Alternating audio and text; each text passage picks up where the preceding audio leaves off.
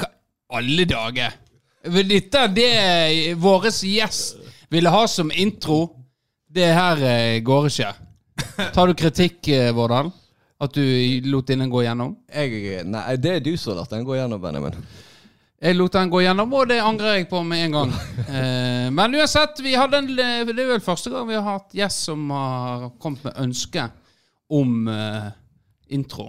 Velkommen skal du være. In introdusere gjesten, eh, Vårdal. Det her er jo eh, min eh, omtalte venn Ø, eller eh, Øyvind Årdal, som han nå formelt sett heter. Hei, hei. Takk Og- for invitasjonen. Ja, Hva slags låt var dette vi eh, slutta av ganske så tidlig? Det der var jo en av de store slagerne til en av mine favoritter, Shania, som heter Any Man of Mine. Og den er jo helt fantastisk, så du slo jo den opp altfor tidlig. Ja, men vi må tenke på sånn copyright infringement, vet du. Altså, jeg og Øyvind har jo et uh, spesielt forhold til uh, Shania Twain, da. Fordi jeg har jo vært inne på det med at eh, jeg har vært en uh, yes-man i sommer. Og et av Øyvind sine største lokkemidler er jo det at vi skal høre Shania Twain uh, tur-retur dit vi skal. Ja. Vi kan jo for eksempel vise deg denne Mann! Jeg føler meg som ei dame. Du, du, du, ja. Uansett, ja, velkommen. eh, Tusen dette, takk. blir, dette blir eh, for internt, sjøl for meg. Dette går ikke. Men eh, velkommen skal du være, Øyvind. Du har jo vært uh, ettertrakta å få inn i, i studio her, men du har gjort deg litt kostbar. Men etter uh, frieriet til Vårdal nå i sommer, så har du kommet på godsida. Det er riktig. Men det er nå ikke det at jeg har vært kostbar. Det er nå det at jeg eh, Jeg er jo en liten nevrotiker, og eh, det er jo klart at eh, man blir jo litt smånervøs av å stille opp her i en sånn celeber eh, podkast. Ja, vi, ja, vi er jo ganske store nå eh, i Kinn kommune. Av de ja. to påkastene i Kinn kommune, så er jo vi tror, Det er du som sitter med tallene nå, Ja, vi, er, vi er fortsatt størst. Vi er fortsatt størst, ja. Men vi kan, treng, vi kan mjuke opp litt med, for du har jo en, en karriere i tempo. Eh, tempo eh, fotballklubben Tempo. Eh, Absolutt. De kalte meg vel eh, Lynvingen. ja, og du har eh, kamper under beltet òg. Ja, jeg fikk ti minutter mot Svelgen borte. Ja. Men ja, ble bytta ut etter ti minutter. Men det var gøy. Men hvorfor uh, gitt du deg? Nei, eh, hvorfor gidde meg i tempo? Det var noe eh, Nei, det var noe litt sånn Jeg er jo litt sånn eh, Jeg skal være helt åpen og ærlig om at jeg er litt sånn eh, fasefyr, da. Jeg har mine faser der jeg har lyst til å drive på med det, og så driver jeg på med det ganske masse i en periode, og så bare Nei, nå er jeg drittlei av det, nå skal jeg begynne med noe annet. Ja. Jeg er ikke sånn der eh, stayer da, på alle aktiviteter. Så det var mest det, kanskje. At det var noe annet som, eh, som ble kjekkere da, når, når jeg ga meg. Men så òg den der eh, alderen som kommer snikende, og frykter for å bli grisetakla av eh, f.eks. Jon Håvard Strømsnes, for å da ta fra meg muligheten til å gå på fjellet resten av livet, Ja. eksempel. Litt eh, den, kanskje. Litt engstelig, ja. Ja, litt sånn engstelig. Ja. Det har jo vi fått høre at i forhold til det med sykdom òg, så kan du være litt sånn engstelig. Ja, det kan man, kan man vel si. Du har vel en eh, historikk med å være en fyr som eh, liker å google alt av eh, symptomer og anta det verste. Det skal ikke mye til. Jeg har jo Hvis jeg ligger på sofaen og kjenner det rykker litt en eller annen plass i en arm eller en fot eller inn i brystet eller en eller annen plass, da er det fort eh, Google, ja. Jeg har jo et veldig eh, tydelig minne som har brent seg fast fra meg og deg på havhesten, der du presser meg til å kjenne på brystvortene dine fordi du mener du har brystkreft. Og det var, men det tok du på alvor? Ja, det gjorde jeg, eh, men det var jo eh, Det er jo, det var vel rett og slett litt gyno, da, som ikke er så uvanlig å ha på den alderen der. Ja. Eh, For du, eh, det, det var vel ikke brystkreft, kan vi vel konkludere med. Jeg har jo ikke blitt utreda. Nei, så det kan eh, Men én ting å få symptom, og du googler det, men er det sånn at du tar det et steg videre og går til fastlegen din òg? Ja. Ja. Så du er f eh, flittig innom eh, fastlegen din? Eh, jeg har vært til, til tider. Eh, akkurat det har blitt litt bedre. Jeg har roa meg litt på, på det verste. Eh, det skal jeg eh, si. Men eh, jeg har vært inne med Ja, kan, kan du kjenne litt på pungen min, f.eks.? Ja. Det, skal jeg, det har jeg vært hos legen og uttrykt djup bekymring for potensiell testikkelkreft eller den type ting. da. ja. Fordi at jeg har brukt altfor masse tid på å kjenne og klå meg sjøl på for, for å kjenne etter, da. Etter Ja. klumper og, og utvekster og sånn. da. Men det, er, men det er jo bra. Det er jo det en ønsker at menn skal gjøre i forhold til eh, å ta det der på alvor, da. Jeg er vel i motsatt ende av, av skalaen i forhold til den stereotypen som du eh, sikkert refererer til. At, Ja. at menn ofte er de som eh, ikke sjekker seg ofte nok. Ja. Jeg er nok eh, på høyde med damene og vel så det, for å si det sånn. Men er det noen gang eh, du har hatt det riktig? Nei. Faktisk aldri. Nei, men det, er, men det må jo eh, etter hvert som på en måte, tida går og du er oppe i alle disse her eh, Google-fasene og sjekker og sånt, så kan, eh, kan vel det være litt sånn betryggende òg at eh, mm, ja, nei, det er, som, det er antageligvis feil, men ja. Ja, altså det har blitt Jeg har roa meg en del de siste årene. Ehm, sist gang jeg var til legen da med Jeg husker faktisk ikke akkurat hva det var, men det var noe sånn der eh, Det var ikke noe big deal, men jeg gikk til legen for å få sjekka opp i et eller annet. Det kan hende det var en halsbetennelse eller et eller annet sånt. Men da hadde jeg faktisk en, en prat med fastlegen min om, eh, om diverse ting. Fordi at eh, når en hypokonder først kommer seg inn i stolen til legen, så har jo han muligheten ja. til å spørre altfor mange eh, kontrollspørsmål og dumme spørsmål. ja. Så da fikk jo jeg rett og slett en lekse av fastlegen min, for han så litt an typen. Og så sa han bare det at eh, Du, Øyvind, jeg skal si deg én ting. Nå er du eh, så vidt bikka 30 år, og det er ekstremt stor sannsynlighet for at du er helt frisk de neste 30 årene. Eh, Du er ferdig med testikkelkreftperioden, og det, du har langt igjen til neste, da, som da er ja, mest sannsynlig prostata og den type ting. Det, det er, ja, du kommer til å være veldig frisk de neste 30 årene. Og da ble jeg litt målløs, og så ble jeg litt sånn OK, mm, skjønner, jeg skjønner. Jeg skjønner. Nå, Ja. har- nå, nå har han liksom gitt meg en, eh, en message. ja. Og etter det har det faktisk vært mye bedre. Ja. Nei, men Det er kjekt at det håper. Har du hatt noen gang du har vært engstelig, Vårdal? Bortsett fra Bortsett fra aids? Ja. Eh, nei, jeg har vel ikke um, Sånn på strak arm så kanskje jeg kommer på eh, at jeg har vært veldig redd for eh, et eller annet medisinsk. Nei. Du da, Benjamin? Nei, jeg har jo den episoden som jeg snakket om før i forhold til hjertet mitt. Da jeg fikk ambulanse og, Ja. og eh, full pakke. Var det, det var jo en sånn uh, type episode. Et eller annet skjedde. Hjertet hoppa litt. Og jeg tenkte at eh, nå, uh, nå har jeg hjerteinfarkt. Og fikk liksom slåttetilling til ringe til, lege. og kom Legevakta kom, ambulansen kom, og så koblet vi på EKG-maskiner. Men det var antageligvis bare at kroppen, den er Ting skjer, og så takler jeg ikke det. Jeg klarer ikke å roe meg ned. Og så glei det over i et panikkanfall, rett og slett. Så, eh, men det er jo kjekt, for da ble han eh, sendt inn til Førde og fikk eh, en god EU-sjekk og alle slags mulige prøver og sånt. Så det, eh, det var betryggende. Men jeg har egentlig ikke hatt noe sånn der eh, Du begynner jo å tenke av og til med å si nei, nå må du skjerpe deg. Så um, Nei, men eh, det er bra, Øyvind. Du er et godt eksempel. Det fins håp for oss, eh, for dere der ute. Jeg har jo en i brølet som er, har veldig helseangst. Eh, Så eh, han veit Hvem da? Eh, Det vil ikke jeg gå ut med nå, men eh, han hører på denne poden i hvert fall. Så eh, kanskje jeg kan spleise dere to, kan dele litt erfaringer. Eh, Det er vel eh, kanskje ikke anbefalt å spleise sånne folk, for da bare gi gir de hverandre næring og Lage et lite på. eh, ekkokammer. Ja, men greit, det skal jeg passe på at dere holder dere unna hverandre. Ja. Eh, Du er jo en mann som har vært borti mye rart, Øyvind. Og en av de tingene som har fascinert meg veldig, er jo denne her haikinga di. Liksom at du bare tenker ja, faen heller, nå skal jeg komme meg en plass, og så jeg skal prøve å haike.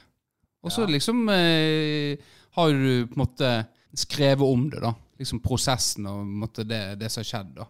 Vært veldig artig å lese. Ja. Er det òg en sånn fase? Ja, eller Det er vel litt mer beskrivende av meg som type, egentlig, da. Det, det er ganske mange år siden faktisk siste haiketur nå. Men eh, det er vel eh, litt eh, den der delen av meg som er veldig sånn jeg liker veldig godt å møte folk. Eh, nye folk. Alder spiller ingen rolle. Altså gamle folk, unge folk. Ja, jeg liker å møte folk og få nye, kan du skal si eh, nye impulser, eller ikke impulser, nye inntrykk, da. Bare høre om andre liv og andre, andre plasser og sånne ting, da. Og så eh, Ja, rett og slett den der, eh, litt den spenningen av å føle at du er på eventyr, da. Det, eh, det Ja. er vel det, den delen av meg som trigger den haike- haikegreia. Og eh, ja, første gangen Jeg husker ikke helt hvilken tur det var, men det var vel kanskje den gangen jeg haika til Oslo, f.eks. Da skulle jeg til Oslo på, på tur. Eh, besøke venner og ha ei helg i Oslo, da. Det er bare, bare litt sånn innfall. Hvorfor ikke bare haike? Det kan jo bli gøy, det. For det første så er jo det det er litt bagatellmessig, da, men du sparer jo drivstoff og sparer miljø. Du sparer en del hassle med å kjøre sjøl. Det er jo litt slitsomt å kjøre bil dritlangt. Og så får du den bonusen da av å treffe masse folk. Og, og så liker jo jeg òg å underholde. Jeg er jo på en måte en eh, i hvert fall en wannabe entertainer. så, så det, og så liker jeg å skrive. Så, så da, det er jo dette der med at jeg har fått, eh, fått ganske god respons da, på den skrivinga om, om de eventyrene. Som, og det skal jeg jo innrømme at det trigger jo litt å gjøre det flere ganger. da. Ja. Det, er jo, det er jo kjekt å få, å få oppmerksomhet. Men Kan, eh, som haiker, hva, eh, så greit du opp med tommelen, og så kommer bilene. Og eh, hva, hvordan setter sette en gang en eh, samtale med de i bilen, da? Eh, det er jo faktisk urovekkende. Nå brukte jeg feil adjektiv. Um, jeg skulle egentlig bruke ordet forbløffende. Ja. Enkelt. Fordi at idet du kommer inn i en bilkupé ja. Eh, der det er to personer som møtes, den ene personen er så idiot i hermetegn at han står i veikanten og eh, veiver med tommelen, mens den andre personen er jo nesten enda dummere, stopper opp for å ta med en idiot som står Ja. og veiver med tommelen. Så man har Icebreakeren er jo allerede i rommet. Ja. Så, så du kan bare si sånn Ja, ja så kjekt at du stoppa. Ja, ja, ja, jeg måtte nå stoppe så du sto her, stakkar. Og ja, ja, ja. Så er praten i gang, Ja, da. ja. Og så kommer gjerne den der eh, standard eh, superkleine smalltalken. Den kommer gjerne først etter et kvarter, når Ja. man er liksom ferdig med den, eh, den praten. Da. Så, så ja, man kommer jo veldig lett i prat. Men har du blitt plukka opp av noen der du har tenkt eh, Faen, skulle helst blitt plukka opp av noen andre? Nei, faktisk ikke. Fordi at eh, ja, enten så møter du en prat som jævel, eh, jente eller gutt, og praten går lett, og, og da går jo turen veldig fort. Eller så møter du det motsatte. Gjerne en litt mer eh, stillferdig person som, ja, som aksepterer naturlig stillhet. da. Og da kan du bare sitte der og ta deg en dupp. Så jeg har faktisk ikke møtt noen der jeg har tenkt uff. Jeg lurer på om jeg skal, jeg lurer på om jeg skal late som at jeg skal av tidligere, bare for å slippe. ja. Det har egentlig ikke skjedd. Men det er jo litt sånn, jeg tenker jo det der er litt sånn utypisk i Norge, da. Eller sånn for nordmenn. Hvordan vi Ja. er å, å plukke opp folk. Eh, Hvordan er liksom eh, Hvordan er ratioen, eh, på en måte, i forhold til Ikke sånn presis matematikk, da, men i forhold til biler som kjører forbi, og før du får napp, da. Eh, Det er litt sånn ja, stedsbestemt, da. Det, det, det varierer litt for hvor henne du er henne. Nå har jo jeg ikke nødvendigvis ført sånn grundig statistikk på det. da. Jeg har jo stopp, eh, stått ganske mange forskjellige plasser da, langs veien Florø-Oslo f.eks. Men, eh, men det som slår meg, eh, som er helt åpenbart, det er at eh, det er to grupper av folk som eh, er totalt overrepresentert. Og det er europeere som ikke er norske. Altså gjerne søreuropeere og østeuropeere. De kommer nok fra plasser der eh, kulturen for haiking eh, er større i dag. Og så er det lang, tra eh, tung transportsjåfører, da. Trailersjåfører og lastebilsjåfører. For de, de er jo fra en, en litt mer sånn kultur på veien. Altså De jobber jo på veien og er på veien. Så er jo de sikkert jævlig mye alene på veien. Eh, det, det, det, tror jeg, ja. Men, litt uh, å- Har du kommet inn i en bil der du senser at eh, her vil kanskje den som plukker deg opp, ha litt mer enn prat? Ligge med meg? Ja. Nei. Nei. Det har jeg faktisk ikke. Men har du, får ikke dra det så ekstra, men det er sånn Kanskje jeg har tolka litt mer inn i at det, nå er vi venner. Nei, jeg veit ikke helt, jeg. Men uh, kan jo uh, Kan jo eksempel nevne han uh, mest Han som jeg haika mest med av alle, da. Det er jo Krzysztof. Han er jo fra Polen og kjører trailer i Norge. Og han eh, plukka jo meg opp, eh, for- opp forbi Førde. Det var, det var den gangen jeg skulle til Oslo, da. Og han var jo veldig pratsom og eh, ikke kjempegod i engelsk. Men, eh, men du veit når det går noe an å kommunisere. Og ja, vi prata masse, og så uh, satt jo jeg på med han helt til Gol. Så det ble jo noen timer i bilen med, med Krzysztof. Og etter hvert da, så begynner jo han å Altså Han lever jo sitt vanlige liv i traileren fordi om jeg er der. Så i løpet av turen så er jo vi på FaceTime med familien til Kristoff hjemme i Polen. Og da har jo han selvfølgelig som rutinert sjåfør Han har jo ordna seg sånn eh, stativ eh, til denne iPaden sin. Han har, ikke, han har jo iPad, ikke telefon. Og den står i en sånn eh, som bilholder. Og så er det full FaceTime med hele familien. Og det virker jo ikke som han er sjenert for at jeg er der. Så han er bare De plaprer på med, med polsk og ja, full eh, rapport og ja. Jeg vet ikke hva det, er- det er litt spesiell kultur, eh, iallfall for meg, da. Men eh, det virker, Det var liksom en halvtime der de skulle bare De skulle bare være på skjermen, og så være i lag, på en måte. For det om han er langt vekke. Så det var jo litt sånn eh, Ja, jeg stakk nå hodet fram og vinka til dattera hans og sa hei. Og sånn. Det var, var nok kanskje litt spesielt. Jeg følte jeg var med på familieselskapet. Ja, og eh, du nevner dette med miljø, og at eh, en sparer drivstoff og den biten her. Og, og miljø er jo en sak som du òg er opptatt av. Og for noen år tilbake så valgte du å, å på en måte bli en del av naturen. Og at liksom det skulle bli din eh, plass å bo i et år. Ikke et år. Nei, men eh, det ble vel sagt at det skulle være et år. Ja, hvem som har sagt det, veit ikke jeg. Men, eh, men ja, du har jo rett. Jeg, eh, jeg valgte å flytte ut i naturen for en periode. Men Nærmere bestemt. Ja, jeg flytta ut i tidlig februar i 2014. Og så eh, var jeg vel permanent utflytta fra naturen i ja, månedsskiftet mai-juni. Så det var vel fire måneder, da. Jeg tenkte mer på lokasjon. Store Åsen i Florø. Også kjent som eh, ja, by, det er liksom Byåsen i Florø. Denne, denne podkasten er jo så stor at det er jo greit å nevne. Byåsen?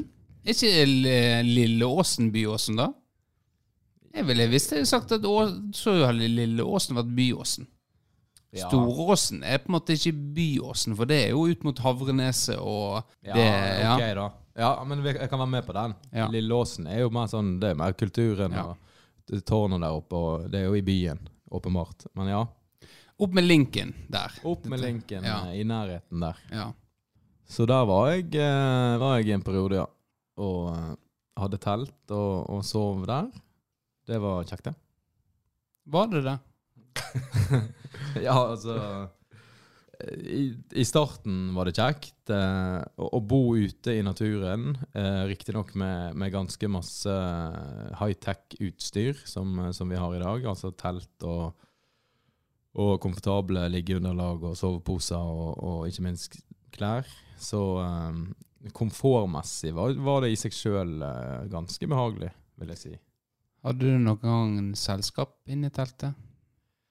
Jeg hadde jo eh, ikke eh, dameselskap, eller eh, den type selskap, i teltet. Det hadde jeg ikke, men jeg hadde jo blant annet relativt intim pannekakedate med, med min gode venn Christian. Det stemmer. Og var vel en Så Christian kaller han Fim, var vel òg med. Steffen Fimland. Ja. Det, ja, det Mye besøk hadde jeg ikke, men eh, jeg hadde en bursdagsfeiring der oppe. Det var jo faktisk ganske trivelig. Da eh, kom det opp en hel gjeng, blant annet Christian og, og Steffen og flere. Og vi satt og hadde bål og, og koste oss oppe med, med boligen min, da. ja. Det, var, det var minnerikt og hyggelig. Hva var det beste med å bo, i, bo ute i naturen? Uten tvil bare det å være ute. Altså i forhold til Du, du sover bedre, du puster bedre, du får mer frisk luft. Det er, det er merkbart, eh, fordi om moderne hus har relativt god ventilasjon, i motsetning til det podkaststudioet her, så merker jo du når du er ute og sover Det er bare en tynn nylandduk. Du har konstant frisk luft. Det er veldig behagelig, og du sover godt. Um, det er det var det jeg likte best, da. Eh, og da er et naturlig oppfølgingsspørsmål, eh, Vårdal. Kan ikke du stille det? Jeg, jeg, jeg, jeg soner litt ut, jeg. Du Soner spørre- du litt? Da må du spørre hva, men, Ok, men hva likte du minst med å bo ute? Ja, det må du spørre nå. Hva likte du minst med å bo ute i naturen?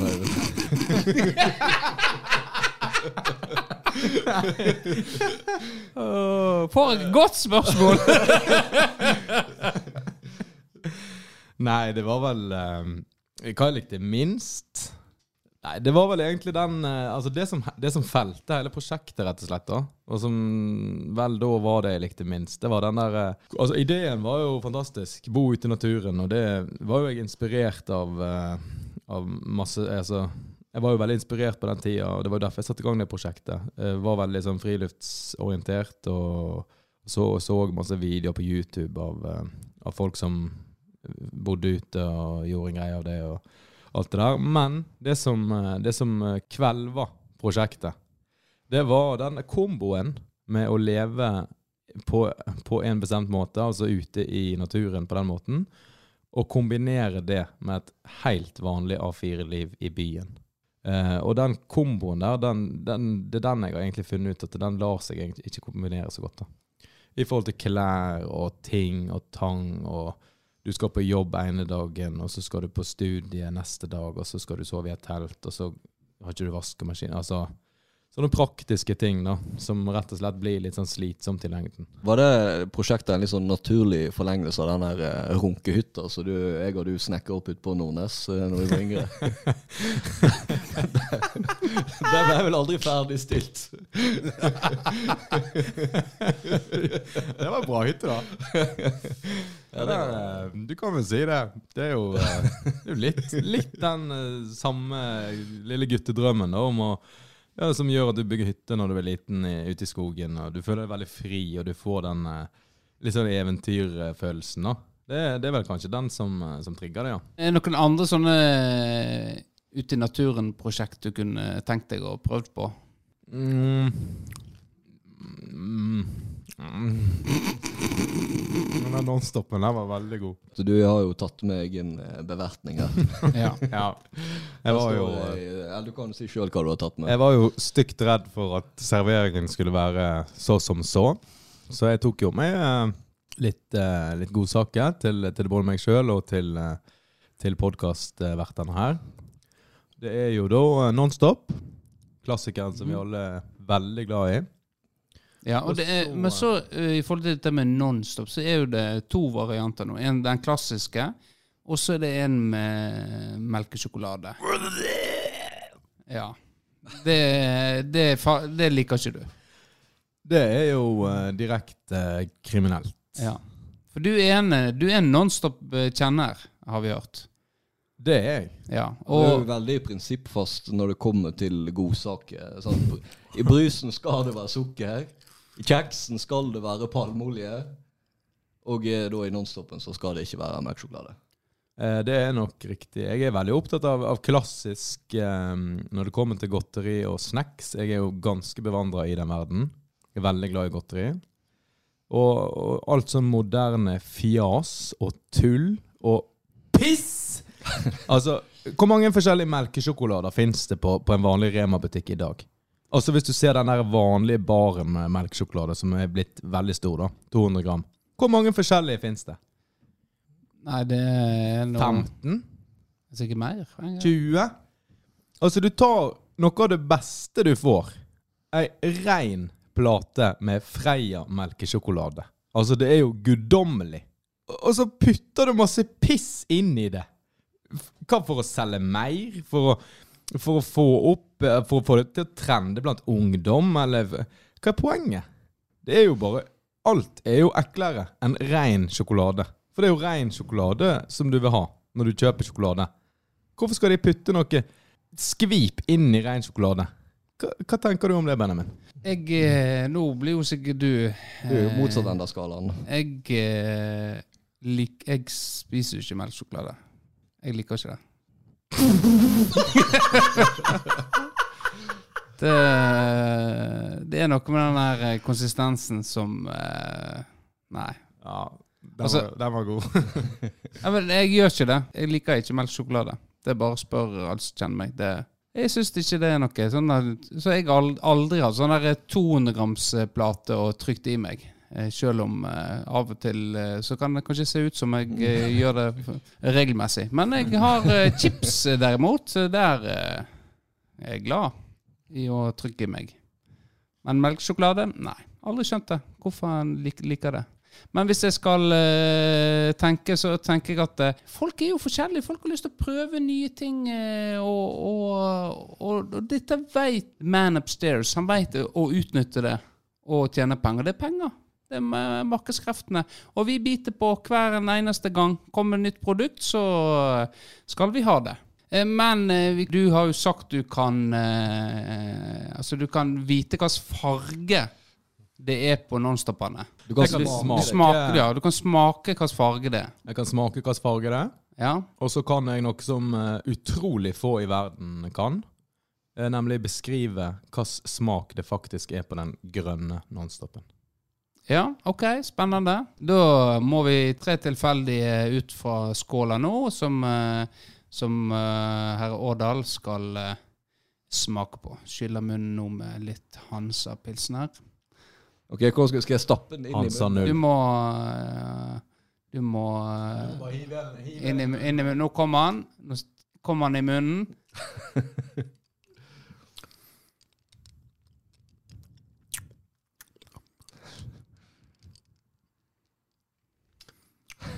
Ja. Mm. Nå angrer han. Det her er bra Nå- radio. Mm. Nei, den var oransje. ja, det var riktig. Ja. Det var riktig. ja. Ja. Det må, jeg- det må jeg huske et òg, ja. Jeg Ja. var forberedt på at det skulle ta så lang Ja. tid. Greit. Ja, da får jeg vis, vis meg her nå. Ja. OK. Inn i munnen med den. Der kommer han. Mhm. Det er samme teknikk som vinsmakerne, ser jeg. Ja. Mye se er opp, se langt tusenmeterblikket. Mm. Mm, ja. Denne der eh, er vanskelig, men eh, det er nok grønn. Kan du beskrive smaken òg? Det er faktisk ananas. Den Ananas, grønne ja. nonstopen den skal prøve å eh, ha smak av ananas. Ja. Greit, da har vi siste, ja, vi siste smak. Du har klart to av to, og man får bli klar Det er jo dette som teller. Du må jo klare alle. Inn i munnen kommer den. Mm. Mm. Ja. Kjempelett. Før var dette en av de vanskeligste. Jeg sleit voldsomt med å skille, skille både svart og brun. Dette er et etablert partytriks du har. Ja, ja. Ja. Men nå når jeg har lært meg og, eh, at den svarte skal eh, ha smak av vanilje, så kjenner jeg med en gang den distinkte vaniljesmaken. Så dette her er uten tvil svart. ja. Det er riktig. Det, det er riktig. Kan du bare veldig kjapt dra oss gjennom alle smakene? Eh, svart vanilje. Brun sjokolade. Den er jo litt usaklig, siden det er jo sjokolade inni òg. Gul sitron. Eh, Oransje appelsin. Rød bringebær. Og grønn ananas. Ja. Jeg hører det at du har hatt god tid oppi teltet. Og, for det der hadde en gjerne ikke så god tid til eh, å drive og se på serie og sånt. Eh, Begrense batterikapasitet. Men vi må jo snakke litt om disse her òg. de andre. Hva er det kalles da? Nei, altså dette her er jo Han har med seg altså, Det er to skåler vi har her nå. Det er Nonstop og uh, ja, dette er Velkommen det til vi- Snopepodden. I dag skal Øyvind ta seg gjennom sine favoritter. Jeg er den første som har klart å kuppe podkasten, Øyvind. Nei, men bare for å ta det helt kjapt, da. Det her er jo det som eh, er en, Dette her er en minivariant av det som jeg i min barndom vokste opp med, som vi kalte bare for pisemerke. Ja, stemmer. Du husker de var litt større? De var litt større, ja. Ja, de, var, de var svart og, og rosa, og hadde en, en veldig god smak og konsistens, spør du meg. Og så skjedde det noe. Eh, det, det, det skjedde jo eh, Det var jo helt eh, katastrofe i smågodtbransjen ei tid. Altså Her gikk vi fra den, den tida der du gikk opp til Kirketeigen, og han sto bak disken, og du sto og peika og sa hva han skulle ta opp i posen til deg. Og så kom jo du til den der eh, alderen der at eh, Coop og Rema 1000 og kom med masse sånne tullemerker og nye ting som smakte helt annerledes. og Sånn at de gode, gamle klassikerne, som jeg liker å kalle de, de, de forsvant. Det, det, det var eksempel i mange år nesten umulig å få tak i de her i Norge. Ja. Og de hadde bytta de ut med noen som så litt like ut, men som smakte helt annerledes. Hadde helt feil eh, fasthet. Og det var helt krise. Så var jeg i Oslo i nyere tid, på en butikk som heter Godteslottet. Og det er jo en dedikert smågodtbutikk, der det faktisk er en eh, entusiastisk smågodtmann som driver den butikken. Og jeg hadde jo en lang prat med han om smågodt. ja. Og da, på slutten av samtalen vår, så kom jo jeg til med spørsmålet mitt om de her. Hvor er de blitt av? Og han smilte. Så sa han Han sa vel ikke 'kom her, gutten min', men han sa det begynner å høres veldig suspekt ut i så fall. Han sa 'kom her, jeg skal vise deg'. Så kommer vi inn der, og han tar med meg gjennom disse der eh, endeløse benkene sine inn i butikken der, der det ligger eh, kasse på kasse med smågodter. Og så kommer han fram til den kassen, der ja, de har de originale pismerkene, sånn som jeg husker de fra barndommen. Eh, altså de er litt større enn de som jeg har med her i dag. Og jeg fikk smake. Free of charge, selvfølgelig. Og det var spot on riktig. Og han kunne opplyse meg at han, han var den eneste i Norge som hadde distribusjonsrettigheter til den. Og han solgte den i butikken. Og jeg kjøpte en tre kilos kasse, sånn boks. og reiste lykkelig tilbake til Vestlandet. Og etter et par uker så var den tom. Men eh, ja, det var en nydelig sommer i, i godteriforstand. ja. Nei, men greit, vi må, vi må snakke om andre ting òg, men vi kan holde oss i matens verden. For uh, du er jo uh, Det ble jo avslått i forrige episode at uh, det er du som er den kjente mannen som lager hjemmelaga bearnés. Bernes! Og, og, og eh, hvor, hvor er det så mye bedre enn de Toro-posene? Åpenbart. Vårdal? Nei, altså, jeg er jo der at eh, jeg har jo smakt Øyvind sin hjemmelaga bearnés. Og eh, den er jo eh, veldig god. Men jeg har jo òg sett hva helvetes opplegg det er òg. Det er jo et tomannsarbeid. Absolutt. Eh, og eh, jeg, jeg klarer ikke å se at eh, innsatsen eh, forsvarer det, da. Men jeg kjenner jo sånn at når, når han først skal gjøre noe, så skal det gjøres skikkelig, og alt skal gjøres fra bunn. Hvor lang tid bruker du på å lage sånn hjemmelaga bearnés? Eh, Det er veldig bra. Dere kom dere på uttalen.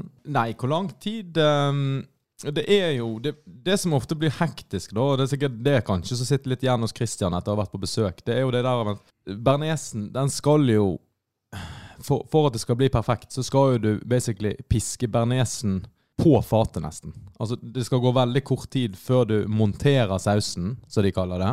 Oi, oi, oi. Til den skal, til den skal på fatet og egentlig fort inn i munnen. Ja. Så det er den slutt, eh, sluttfasen av bearnésmakinga som er, er litt stress. da. Fordi at uh, Først skal du bare surre opp noe løk og noe olje og, og hvitløk. og skal du på med noe eh, hvitvinseddik og, og kanskje litt hvitvin. Så skal du bare redusere det ned, og så skal du gjøre det klart. Og selvfølgelig ha oppi masse estragon. Og så etterpå så skal du gjøre klart smør. Eh, klarna smør. Så skal du gjøre klar noen eggeplommer. Men, men det skal bare gjøres klart, sånn at det ligger på en måte i noen skåler for seg. Sånn at, men det er når du skal montere sausen. Når Velkommen til Matpodden. du skal piske det varme, klarna smøret inn i de andre eh, ingrediensene som jeg har nevnt, som da skal gradvis varmes opp i bakkant med et vannbad. For at hvis du tar det varme smøret opp i kalde ingredienser, så sprekker sausen med en gang. Det er krise. Så de må du varme opp med vannbad litt rett før du skal begynne å dryppe smør nedi og piske som faen. Og det er da du må ha to mann. For du må ha en som pisker, og så må du ha en som står med smørgelen og heller nedi tynn stråle. Ja, det var Jeg fikk skikkelig sånne Hell's Kitchen-vibes. eh. det var liksom Kom, da! Nå må du være på! Nå må du være på! Jeg ble traumatisert Ja. på hele greiene. Ja, nei, eh, det høres jo ut som litt eh, mer arbeid enn det å smelte smør, ta oppi posen, visk, og så skru av varmen, og så, så, så er det klart. Ja, det er jo sant. Men, eh, men jeg er jo glad i mat og litt sånn kokkeprogram. Og jeg er litt fascinert av, av matlagingkunsten. da. Så det er litt der òg det kommer fra. Men er det noe annet du er ekspert på? Jeg lager en eh, ja, kanskje Nord-Europas beste lasagne. Oi. Ja. Og, Spennende. Og uh, pizzaen min er jo uh, Ja, om ikke verdenskjent, så i alle fall uh, Altså, ja. Folk, eh, folk kontakter meg for å spørre når de skal bli bedt på pizza. ja. Så ja, jeg vil si at jeg lager en, en OK pizza eh, òg. Kanskje For det vi, jeg og du, Våle, har jo vært på ulike oppdrag og i forhold til Tempopodden, eh, liksom karakterskalaen, som går fra 0 til 100. Ja. Eh, og, eh, så det høres ut som eh, her eh, må vi kanskje teste et, en av de her eh, kjente rettene til Øyvind. ja, jeg har jo eh, Har du smakt på begge? Lasagnen har ikke jeg smakt. Nei. Så eh, Pizzaen kan jeg gå god for. Ja. Eh, Lasagnen den vet jeg ikke. Nei. Nei, men det høres ut som eh, noe vi kan gjøre i en framtidig episode. Det Spørs om uh, Tempopodden må ha seg en eh, pizzakveld hos meg. Ja. Lasagnekveld. OK. Eh, mat engasjerer, snop engasjerer. Og så var det et engasjement som døde, og det var stimen. Hva skjedde, Øyvind? Du var jo eh, Du var jo en av frontfigurene i stimen eh, i en lang, lang periode. Ja, det er sant. Um, ja, altså kort fortalt. Jeg er jo en uh, ekstremt uh, åpen og ærlig medgangssupporter. Det gjelder, jo, eh, det gjelder jo alt av fotball. Jeg begynte jo å heie på Manchester United på barneskolen eh, når de var i eh, all time high-perioden sin. Og eh, ja, slutta vel å heie på de omtrent da det begynte å gå litt eh, litt skeis etter hvert Ja. på, på utover 2000-tallet. Og du kan si litt det samme om Florø. Jeg eh, var jo supporter av Florø fra, fra tidlig alder. Jeg var jo eh, god kamerat med han eh, André eh, Frøyen Reksen. Men ja, etter hvert eh, litt i eh, seinere år så ble jo jeg eh, veldig engasjert i, i stimen. Og eh, ja, det var noe i starten var det vel mye meg og Jon Håvaren, vet jeg. Eh, Vi begynte med sånn eh, Vi skulle jo begynne med sånne flagg. Sette ut sånne flagg rundt om i byen eh, når det var kampdag. eh, For å liksom få litt, eh, få litt blest og få folk til å følge med. Dette var jo i den der eh, berykta eventyrlige perioden til, eh, til Theisi og, og 95-årgangen. Eh, Ja. Det var når de var på full vei opp og, og så nesten ustoppelige ut. Og ja, de klarte jo til slutt, som alle vet, å, å, å rykke opp til Obos-ligaen. Det det var jo et, et klimaks uh, uten sidestykke. Og da, ble jeg engasjert, for da, var det masse engasjement ellers òg i byen. og det var veldig masse oppslutning om klubben, og det kom masse folk på stadion. Og, og det er sånne ting jeg blir eh, Jeg blir revet med av sånne ting. Det blir jo ganske mange, da. Eh, men er, jeg syns det er veldig kjekt når, når liksom du får den der eh, gode følelsen av fellesskap, og nå skal vi backe guttene fra Florø. Så det var veldig gøy, så lenge det varte. Men eh, det som skjedde, var vel at eh, lufta gikk vel ut, i, ut av ballongen litt, da, for min egen del. Litt i takt med at jeg følte at det samme skjedde med, med klubben da, etterpå. Eh, vi holdt oss vel i én sesong i Obos. Ja. Så var det vel sesong, sesong nummer to vi rykte ned. Stemmer det? Du er fortsatt, du er fortsatt på vi, da. Ja, men det er jo eh, Altså det, jo, Eh, det var jo klubben i mitt hjerte en gang, så jeg har jo ikke skifta klubb. Det er ikke sånn. Men ja, eh, jeg mista etter hvert engasjementet mitt, etter hvert som ja, klubben jeg leverte dårligere sportslig, og etter hvert òg flere og flere spillere naturligvis datt jo av da etter hvert. Og, så da, eh, da var det liksom Og så var det på en måte, kan du si at toppen av kransekaka var vel at min eh, nummer én eh, gjennom alle tider, eh, barndomsvenn André, eh, etter hvert ga seg òg. Og da Det var på en måte litt spikeren i kista for mitt engasjement som supporter. ja. Nei, men det, var så gøy vi hadde det, da. det var, var jo kjempegøy, det. Det De var jo, årene her. eh, det var jo eh, En gang det var jo det fullt hornorkester på tribunen. Og da eh, Vi fikk jo høre det etter hvert. eh, Det var vel meg og Bård Melvær og noen eh, grotlekarer. Vi fant ut at vi skulle Vi er jo sånne korpsgutter som liker å blåse litt. Og vi fant ut at vi skulle ta det litt, litt inn i, i det Florø-fotballgreiene, da. Og da fikk jo vi fikk jo vi noen albuer i sida og noen knivstikk fra han der Tagen i England.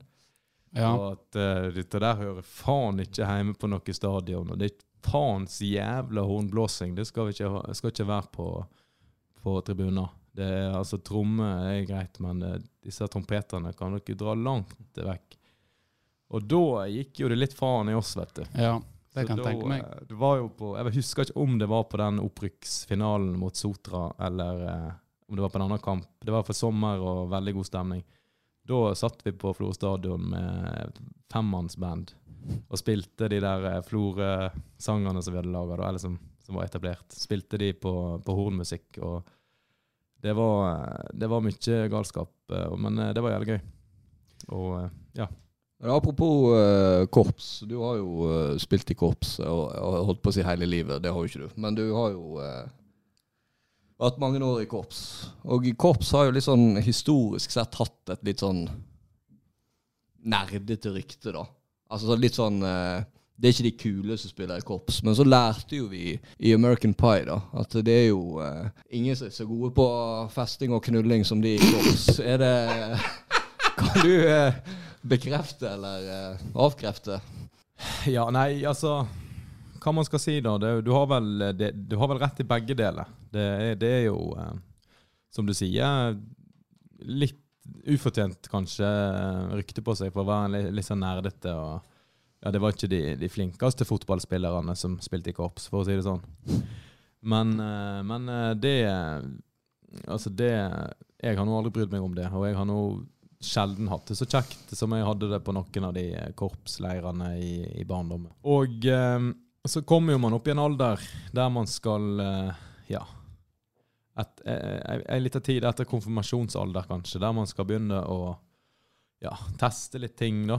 Uh, være seg uh, ja, litt øl, eller kanskje noe Prøve litt snus, eller Ja, eller dette der med, med ja, seksualitet og, og den type ting, da. Mm. Så var det en gang, da. Vi var i Kalvåg på uh, korpssamling, seminarhelg. Med, jeg tror vi hadde konsert òg på, på søndagen der.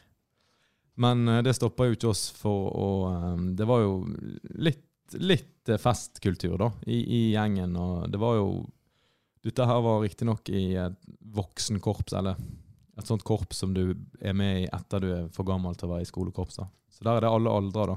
Men eh, stort sett fra 15-16-årsalderen og, og oppover, da. Til, til 60-70-åringer, liksom. Det er sånn generasjonskorps. Og da var det fest eh, hos noen, eh, hos ei av de som var med i, i bandet der.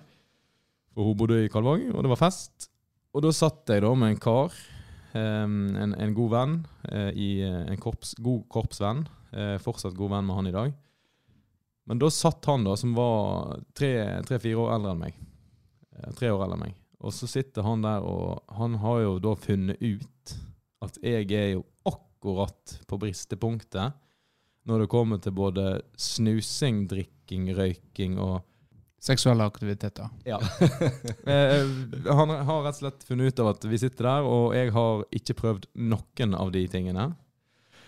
Så han eh, Jeg vet ikke om han kalkulerer det sjøl, eller om det bare blir sånn til slutt. Men, Akkurat nå så høres det ut som en skummel historie.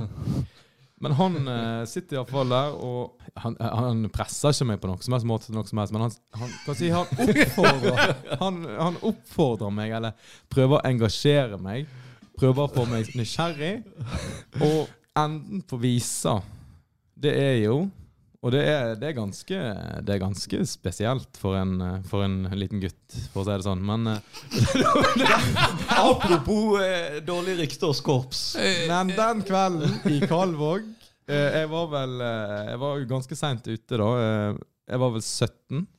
Men da prøvde jeg eh, røyk, snus, alkohol og kvinnfolk. På én og samme kveld. Ja.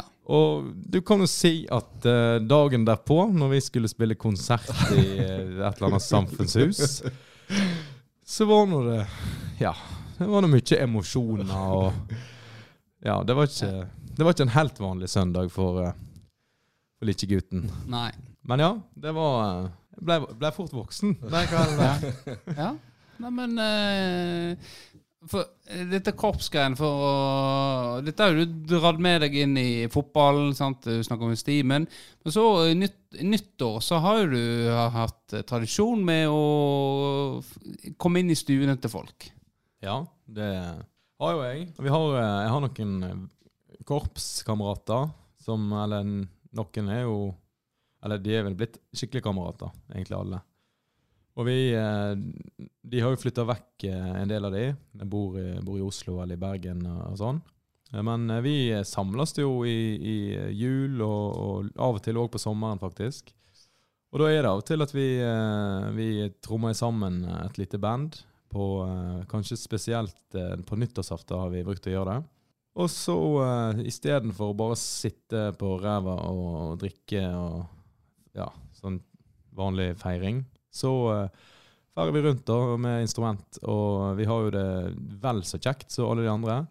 Pluss at alle de andre får eh, gleden av at vi kommer inn på kjøret, Kjører Har en sjåfør, da. Så kjører vi rundt og overrasker venner og kjente og spiller. Til strålende jubel og applaus og begeistring. Så vinn-vinn.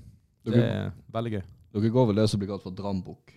Vi går drambukk, ja. Så da er det den uheldige sjåføren som eh, begynner å bli litt lei etter hvert ut på kvelden der. Mens eh, de andre heldige musikantene, de eh, Ja. Altså, det, låter jo bare bedre og bedre utover kvelden, for å si det sånn. Så ja, det er veldig kjekt. Så det skal vi fortsette med, sannsynligvis. Du, eh, Vårdal, som god venn, har jo vel eh, Du jobber jo som regel nyttårsaften. Har vel fått dem inn til brukerne. Nei, jeg eh, har holdt på å si de er ikke velkommen hos meg, men eh, jeg har jo faktisk vært eh, Jeg lurer på om det var tre år på rad på NM i Brass.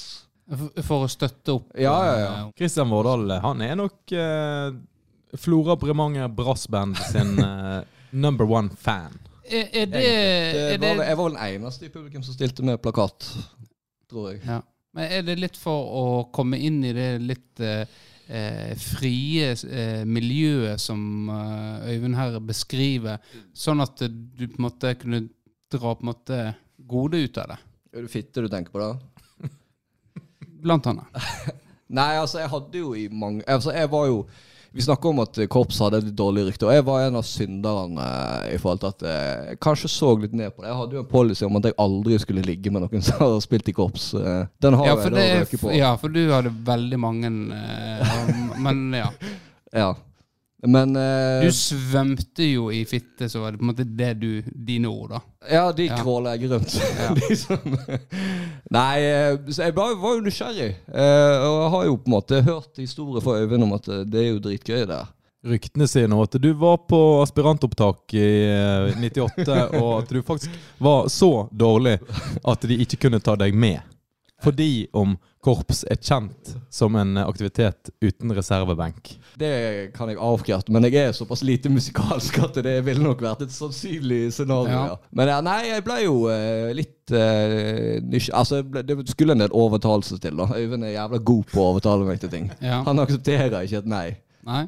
Og så eh, var jeg med, og så fikk jeg jo endte jo opp med at jeg eh, drev og leste opp Dommerkommentarene. dommerkommentarene. For alle samles jo etterpå når eh, de er ferdige å spille, og så kommer dommerkommentarene, så skal de leses opp. Og de hadde vel en dirigent fra England. Mr. Phil Goodwin. Og det, og det var visst litt sånn der eh, etikette, da. At det, det er jo de som skal lese opp, og han hadde nå kommet hele veien fra, fra England. Men jeg klarte nå da å, å kuppe det, da. Altså få lese opp eh, dommerkommentarene, da. Eh, eh, Da da er en i, i eh, korpset, da leser opp dommerkommentarene. Som, Ja, da sitter liksom alle samla. Da satt du vel nede i kjelleren på et hotell eller et eller annet. Ja. Det er riktig. Det er, det er litt så stas. da. Vi er, altså NM Brass i Bergen det er jo årets høydepunkt for, eh, for brassband-nerdene. Og eh, det er helt riktig som Kristian sier, at etter liksom konkurransen og, og dommen har falt, og man har fått utdelt poengsum og plassering i, i sin, hver sin divisjon, og da får man òg utdelt eh, kommentarer som rett og slett dommerne har notert underveis. Og da er det seremoni. Da, da møtes man typisk på hotellet man bor på. Gjerne på det samme møterommet eller konferanserommet der man har hatt øvinger og litt sånn. Og så er det rett og slett eh, litt sånn eh, alvorlig stemning, og man skal lese gjennom dommerkommentarene. Og det er ikke veldig mange, spesielt ut, utafor korpsmiljøet, som kan komme inn og faktisk få lov å få æren av å lese opp de kommentarene. Så, så Christian eh, har en stjerne, hadde ei stjerne der den gangen som, eh, som lot det, det skje. da. Det var, det var ganske artig. Det skal òg nevnes at uh, Torstein Reksten var der faktisk òg, og han uh, presterte jo å gå i baren og kjøpe ei kasseøl. Som han drakk sjøl. Jeg tenker vi skal ta og begynne å runde av her. Men eh, jeg veit jo det er et eh, menneske som har eh, lyst å prate med deg, Øyvind. En, en klassisk innringer som vi nå skal ta kontakt med. Og da må vi Da må vi la denne personen få lov å slippe til og prate med deg. Er du klar for det? Selvfølgelig. Hvem er det? Hvem er det som ringer? Hva vil denne samtalen bringe? Telefonskrekken slår inn så mange fram. Jeg må manne meg opp på tann. Ja, hallo og velkommen til Tempopodden. Ja, det er Noret også som ringer. Ja, ja hallo, du. nå, ja, nå får jeg kanskje gratulere deg med en eh, fin sommer. Ja, Jo, jo, eh, du òg. ja. Hvor, det vet ikke du noe om. Han Jan og jeg har, det har ikke gått så greit, men det er noe annen sak. Men jeg har fått høre at han der eh, Øyvind Årdal, sønnen til hun der styreren som var i Storvatn barnehage En skulle jo ikke tro at ei som var styrer, kunne f- oppdra en sånn liten jævel. Det kan han bare si med en gang. Ja. Ja, det Og han stemmer. har du vært, han har du vært mye med, sett i sommer. Ja, det stemmer. Han er med meg her og nå, faktisk. Ja, og det jeg så dere Han var inne på Horne brygge nå, eh, dere to. Og han der eh, Eggen, han er nå sjarmerende, men jeg er jo inne på quality her, så det her. Og han, han jeg pleide jo å gå tur oppe i Storåsen. De, de gjør jo til på å si, jeg og Jan. Og der en kveld, mens jeg og Jan var inni, inn i djupeste skogen, så tok han Jan på lommelykta, og gjett hvem som sto rett bak oss, helt, helt naken, og så på oss og holdt et relativt medium med lem, skal jeg si, og styrte på mens han så på meg og Jan. Og jeg skrek Og han Jan skreik, reiv med oss klærne og løpte vekk. Og det ansiktet der har brent seg fast i, i, i hodet mitt. Altså. Og nå kom han fram igjen, og jeg så dere gå inn der. Jeg har jeg hører meg. Jeg hører deg, ja. Jeg er her. Hallo, Rutåse. Ja. Er, er du glad i blotting? Ja. Jeg har hørt fra andre at det, vi er ikke de eneste som opplever din nakne kropp.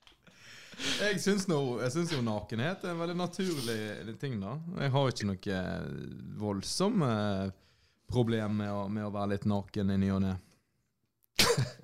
Nei, men det De fleste jeg prater med, de har et problem med at du er noe.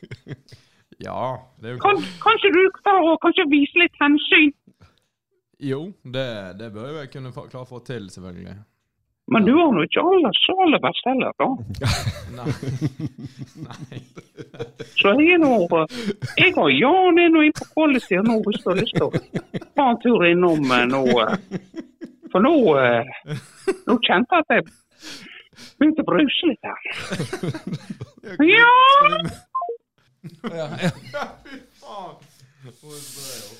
Ja, det var hun eh, Ruth Aase, og i kjent stil så var hun engasjert. Og har eh, Det hørtes ut som eh, traumatiske minner hun har hatt eh, med deg, eh, Øyvind. Og det avslutter med en form for Stockholm-syndrom. Ja. Der hun ville hørtes ut som hun ville gjerne ha deg igjen. Ja, igjen, men altså, jeg ville kanskje prøve deg. Ja, ikke vet jeg. Jeg har jo um, jeg, jeg kjenner ikke henne så godt, annet enn at jeg har jo hørt henne og ringt inn her til dere en del ganger. Og, Og, og at du, at du Dette gjorde med henne og Jan oppe i åsen. Ja, men det Selv om det var unikt for de, så var det ikke nødvendigvis en unik, unik opplevelse for deg. Nei, for det Sånn som du sier at du liker å være ute i naturens element, så det kan hende du ikke så de engang. Ja, men, eh, men jeg, blander det nok sannsynligvis òg med, med, med alle de andre episodene som har Ja. vært, med, med forskjellige. eh, Ja. eh, Både eldre ektepar og små unger og ungdommer. Og, Ja. Det, det har vært, vært litt ubehagelige situasjoner, ja. Eh, for du er jo singel, og dere har jo en singelklubb. Du og ja. Du er med der, i hvert fall. Det er vel blitt avslørt, ja. At Ja. jeg er et av medlemmene. Det er jo eh, Altså, hvis det er noen der ute som, eh, som kunne tenke seg en eh, Ja, hva skal jeg si? En ugudelig frilynt naturist som, som er for, åpen for det meste, så er det bare å ta kontakt. Nummeret mitt er 90 25 67 11. Så du har ikke eh, pensjonert underlivet ditt sånn så det er til annet eget bruk, sånn som Vårdal? Nei, eh, for, all- for all del. Eh, Det var nå i bruk nå senest i, nå i sommer, så det er ikke pensjonert. Nei. Var dette sa du dette nå for å gni det inn? Nei. Jeg, jeg respekterer, respekterer avgjørelsen som Christian har tatt på, på, på underlivet sitt. Det, det står han helt fritt til å gjøre, og jeg respekterer han. Han har nok sine grunner. Ja. og det trenger ikke vi gå inn på her. Nei. Nei. Nei, men jeg tenker vi skal runde av før du svetter vekk, Vårdal. For det var voldsomt det rant nå eh, ned i panna di. Ja, jeg skriver at nå er jeg faktisk jævlig svett. Ja. For, for dette likte ikke du å høre. Nei, det er jo klart. Det åpner jo, eh, det åpner jo noen sår. Ja. Det gjør jo det. Ja. Men um, det er jo veldig hyggelig å ha hatt deg her, Øyvind. Som jeg nevnte, du redda jo meg fra fru Krakk og herr Tau i sommer. Og setter veldig pris for det, og for at du, du var med oss her i dag. Ja. Nei, men greit. eh, Takk, eh, Øyvind, for du var med oss i dag. Takk for meg. Veldig hyggelig å være her. Veldig kjekt. Takk. Tusen takk. Vær så god. Ja, så eh, kjære lyttere, da er vi tilbake neste tirsdag med ny episode og nye muligheter. Og eh, takk for nå. Ha det bra! Ha det.